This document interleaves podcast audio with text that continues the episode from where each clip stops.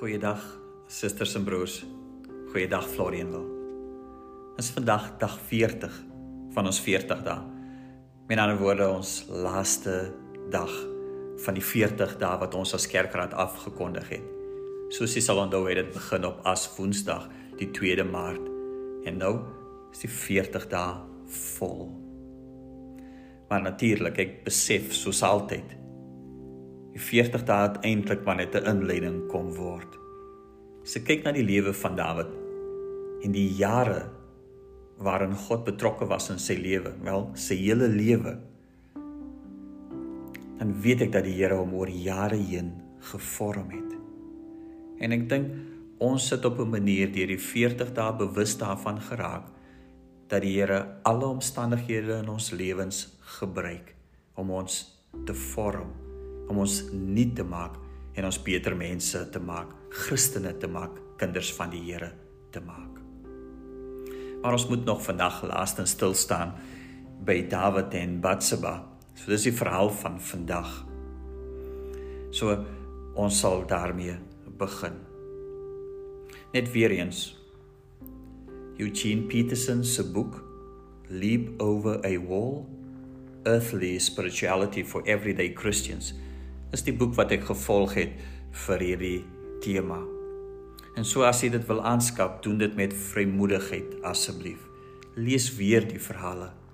Uiteraard kon ons nie alle verhale van Dawid doen nie.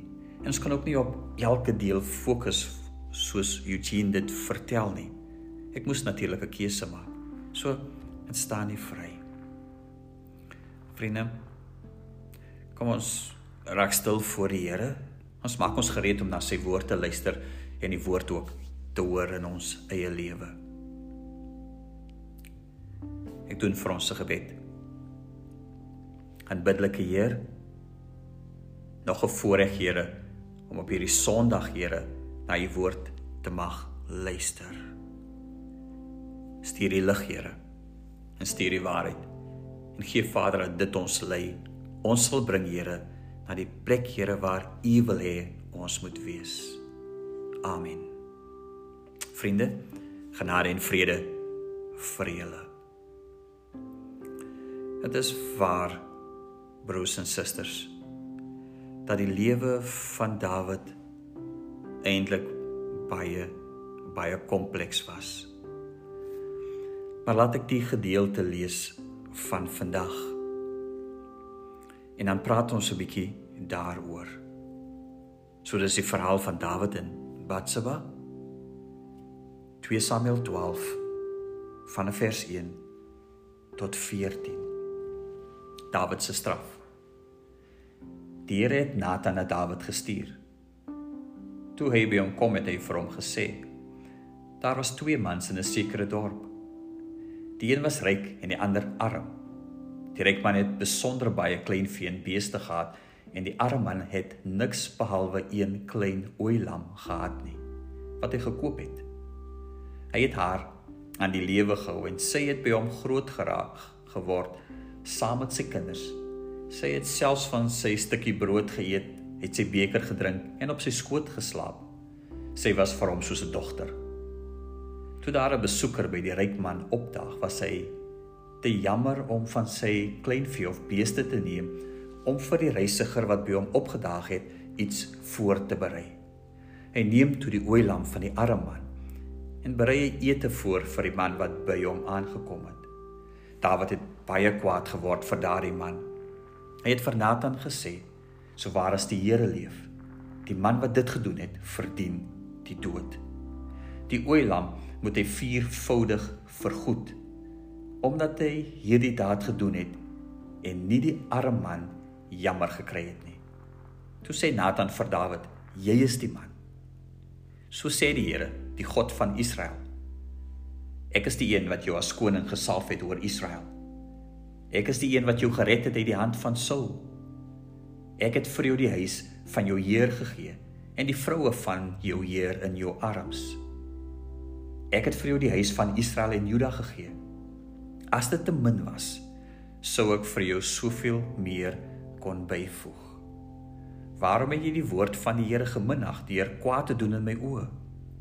Iria die Hetit het jy met die swaard neergevel. Sy vrou het jy vir jou as vrou geneem en hom het jy deur die swaard van die Ammoniete vermoor. Daarom sal die swaard nooit van jou huis wyk nie, omdat jy my geminag het en die vrou van Iria die Hetit geneem het om jou vrou te word. So sê die Here: Kyk, ek gaan onheil teen jou verwek uit jou eie huis. Ek sal jou vroue voor jou oë neem en aan jou naaste gee. Hy sal openlik by jou vroue slaap. Omdat jy dit in die geheim gedoen het, sal ek hierdie gebeure voor die hele Israel laat plaasvind en voor die volle son. Ek het gesondig teen die Here, het Dawid vir Nathan gesê. Waarop Nathan toe vir Dawid sê: Die Here self het jou sonde op sy geskuif. Jy sal nie sterf nie. Maar omdat jy deur hierdie gebeure heeltemal oneerbiedig opgetree het teenoor die Here, sal die kind wat vir jou gebore is sonder twyfel sterf. Tot sover die woord van ons Here. Ek het reeds genoem broers en susters dat Dawid se lewe tog kompleks is, nie so eenvoudig is nie. En as ek net kortliks weer iets oor sy lewe kan sê, Party het hy is hy so mooi getrou aan die Here. Doen hy so goed. En tog was daar ook enkele groot foute in sy lewe gewees, dit wat hy begaan het. Onder andere ons verhaal vandag sy oorspel met Batseba, die moord op Uria. Maar die ander groot fout was byvoorbeeld ook sy verwerping van sy seun Absalom. Want Hy moes genade bewys het aan sy seun, soos wat hy dit aan vele ander mense gedoen het, maar dit nie gedoen nie. Dit was van sy grootste foute. Tog die mees uitstaande kenmerk van Dawid se hele lewe is die Here. In Psalm 18 is 'n getuie hiervan. Dawid se lewe het altyd rondom God gedraai, gedraai. Rondom God se genade en barmhartigheid aan hom. Hy was immers 'n sondaar wat deur God gered is. Die verhaal van Dawid bly 'n verhaal van wat God doen in die lewe van mense en wat slegs die Here kan doen in die lewe van Dawid, maar so ook in ons lewe. As ek nog laastens kan afsluit net om vir verder aan te dui hoe kompleks Dawid was en ook as mens en eintlik maar ook ons dan wil ek iets sê oor sy sterfte in 1 Konings hoofstuk 2. Dit gebeur in 'n tyd van moeilikheid in sy familie want wie sy opvolger moet wees skep probleme. En dan was daar ook Dawid se laaste bevele aan sy seun Salomo. Salomo moes byvoorbeeld van sy vyande ontsla raak. So sonder dat Dawid se lewe mooi eindig en alles perfek afsluit is daar steeds hierdie gebrokenheid wat keer op keer na vore kom. Maar vir vandag die storie oor sonde in Dawid se lewe. Dawid is nou ouer hy het nou al alles ervaar hy's 'n goeie koning 'n wyse leier Maar ons sal nie van Dawid praat as 'n onskuldige mens nie. Tog na jare van swaar kry, van moeilikhede, maar ook voorspoedtye, natuurlik het dit 'n merk op hom gelaat. Natuurlik is die Here steeds 'n belangrike deel van sy lewe. En daarom is hierdie verhaal van Batseba en die sonde in Dawid se lewe nooit maar net eenvoudig nie. Dit bly kompleks. Presies soos ons lewens ook maar is. En ek dink dit sal vir ons help as ons dit nie vergeet nie. So, histories soos volg. Hoofstuk 11. Daar was die gebruikelike oorlogsvoering. Dit lyk vir my dat oorlog was so sport gewees in die tyd van Dawid. Maar hierdie keer gaan Dawid nie saam nie. Hy stuur net sy troepe. En dan eendag as op die dak van sy paleis rondstap, sien hy vir Batseba, waar sy besig is om haarself te bad. en hy stuur vir haar. Hy slaap met haar en sy raak swanger. Wat ons moet onthou en wat die Bybel vir ons vertel, is dat Batseba se man Uria was een van Dawid se soldate gewees en op daardie oomblik juis op die gevegsfront saam met die res van Dawid se leer. Dawid moes toe planne maak. Hy laat Uria dus huis toe kom sodat hy by sy vrou kan uitkom. Sodat dit later sal blyk dat Uria die pa is van die kind wat verwek is in Batseba. Uria is egter 'n getroue soldaat en besluit om nie by sy huis te slaap nie want hoe kan hy? Terwyl die res van sy manskappe in moeilike omstandighede is, terwyl hulle op die gevesfront besig is, besluit hy hy kan nie by sy huis slaap uh nee. Hy doen dit nie. Dit beteken Dawid moes toe nog meer planne maak. By geleentheid sal hy ook vir Uria oornooi. Hy eet aan sy tafel. Hy maak vir Uria dronk met die hoop dat dit hom sal laat huis toe gaan, maar dit gebeur nie. So Dawid moet nog verder planne maak. En hy stuur boodskap aan sy generaal Joab dat Uria op die voorste linie geplaas moet word van die ewigste geveg. Dit beteken op op sy beurt dat generaal Joab weer verkeerde strategieë moet volg in die oorlog net sodat Uria kan sterf. En so gebeur dit ook. Uria sterf. Nadat Batseba se treurtyd verby is, het Dawid haar geneem as sy vrou. Ek moet erken dit wat Dawid hier doen skok 'n mens. En 'n mens wonder onmiddellik hoe is so iets moontlik? Hoe het dit gebeur dat Dawid op hierdie punt gekom het? Maar natuurlik, hoofstuk 12 ons teksgedeelte vertel dat Nathan ehm um, met Dawid praat want God stuur vir Nathan na Dawid toe. En Nathan die wyse profeet gebruik 'n eenvoudige storie. En Dawid luister daarna en doen presies wat 'n mens nie moet 'n preek moet doen nie. Met ander woorde, hy dink dit gaan oor iemand anders. Hy erken homself nie daarin nie. En hierdie dat die woord nie met my praat nie, maar met ander mense praat, is presies nie hoe 'n mens luister nie. Maar Nathan in vers 7 konfronteer hom en sê vir hom dat jy is die man. Jy weet hoe dit alles gebeur. Ons kry tog die idee vanuit ons teks dat Dawid in sy optrede meer verwyderd geraak het van die Here. Natuurlik, hoe anders? In die manier hoe hy handel, in die manier hoe hy opdragte gee, in die manier hoe hy sy mag uitoefen. God het al hoe meer op die agtergrond geskuif. Dawid het al hoe meer 'n sentrale rol gespeel in sy eie lewe.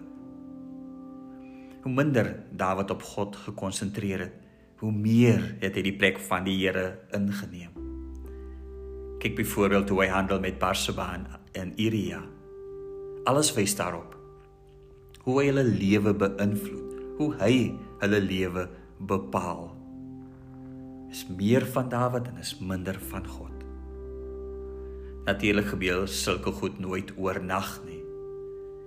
En dit het dalk oor jare en geleidelik het Dawid by hierdie punt gekom vanaf iets eenvoudigs tot moord het dit alles gelei.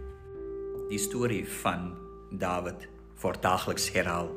En dan bedoel ek nou hierdie sonde stories.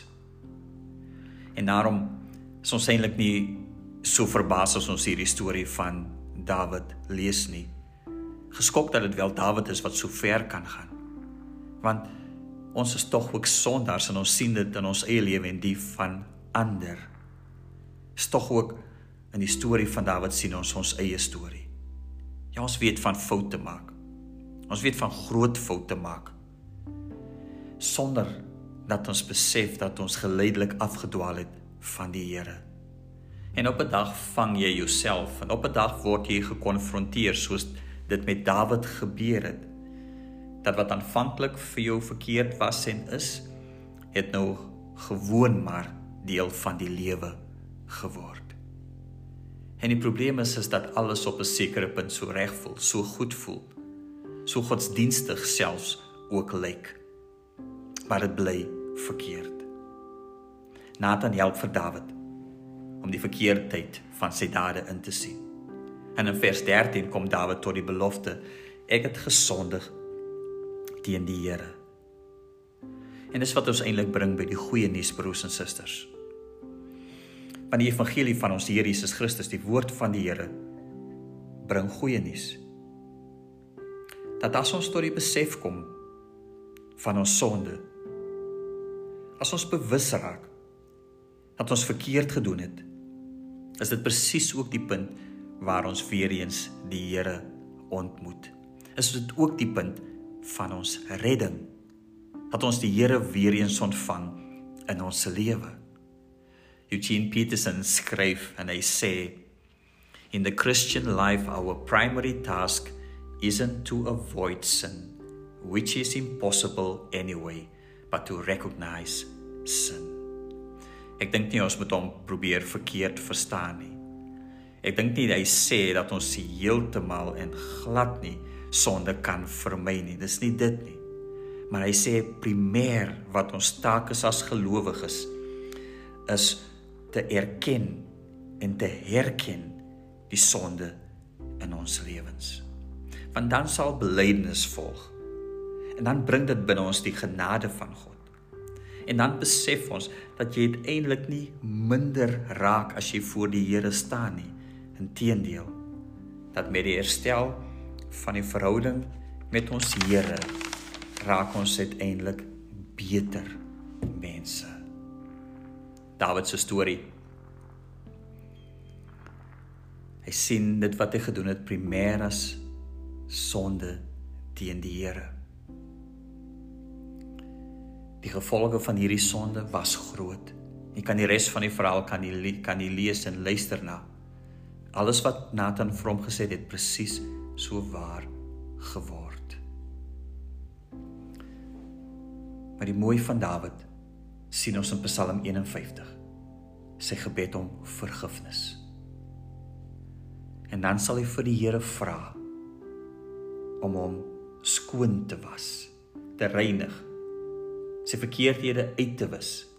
Dat die Here sy oë moet sluit vir Dawid se sonde, dat die Here hom moet red en moet verlos. En Dawid kan dit alles doen want hy staan voor die groot wonder van God se genade, God se ontferming en God se troue liefde. Ons boodskap vir vandag is broers en susters. Ons doen verkeerd. Dit is waarvan wie ons is. Maar ons moet herinner word.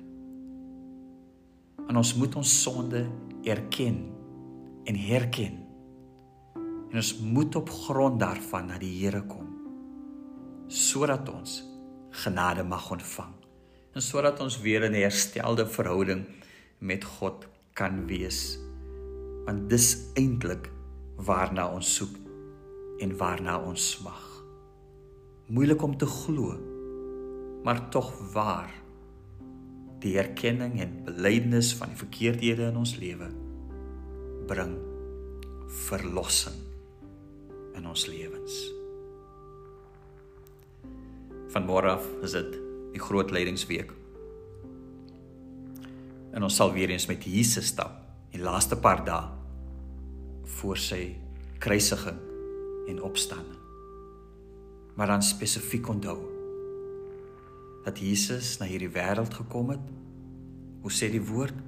Want God het ons so liefgehad sodat niemand van ons sal verlore gaan nie, maar gered sal word. Dis tog wat ons hoor. Die wonder is is dat Jesus kom na hierdie wêreld toe. En dat ons verlos kan word. Laat ons nooit dus wegskram van die verkeerdhede in ons lewens nie. Dat ons dit bring na die Here toe en vergifnis en verlossing op die regte tyd ervaar. Amen. En biddelike Heer, ons is die gebroke mense, Here, wat vol sonde is en die woord vertel dit van ons. Niemand is regverdig nie. En ons word nou daaraan herinner, Here. Soos wat Nathan vir Dawid herinner. Soos wat u woord, Here, vir ons herinner. En soos wat Here die woord en Gees vir ons aanspreek en bewus maak van sonde, Here. Besef ons nou, Here, dat daarin lê ook ons verlossing en nuwe lewe. Help ons dis Here dat ons nie sal wegskram van U nie. Maar dankie vir U woord en dankie vir mense Here soos Nathan wat U uitstuur op ons pad. Sodat ons kan kom by belydenis en daarom Here herstelde verhouding met U. Want dis ons begeerte, liewe Heer. Vorm ons Vader. En gebruik Here ook selfs hierdie verkeerde dinge in ons lewe. Here, wat ons doen Here sonder om te dink. Help ons om daardie Here tog vir U ook te vind. Gaan nou verder saam met ons Here. Lê vir ons in hierdie komende week in wat heilige week is en bring vir ons goeie Vrydag by mekaar Here sodat ons Here kan herdenk die liefde wat U vir ons het. Skep vir my 'n rein hart o God. Vernuwe my gees en maak my standvastig wat my tog nie van U af wegdryf van die Heilige Gees van my af wegneem nie. Die genade van ons Here Jesus Christus, die liefde van God, die gemeenskap van die Heilige Gees sal met elkeen van ons wees. Amen.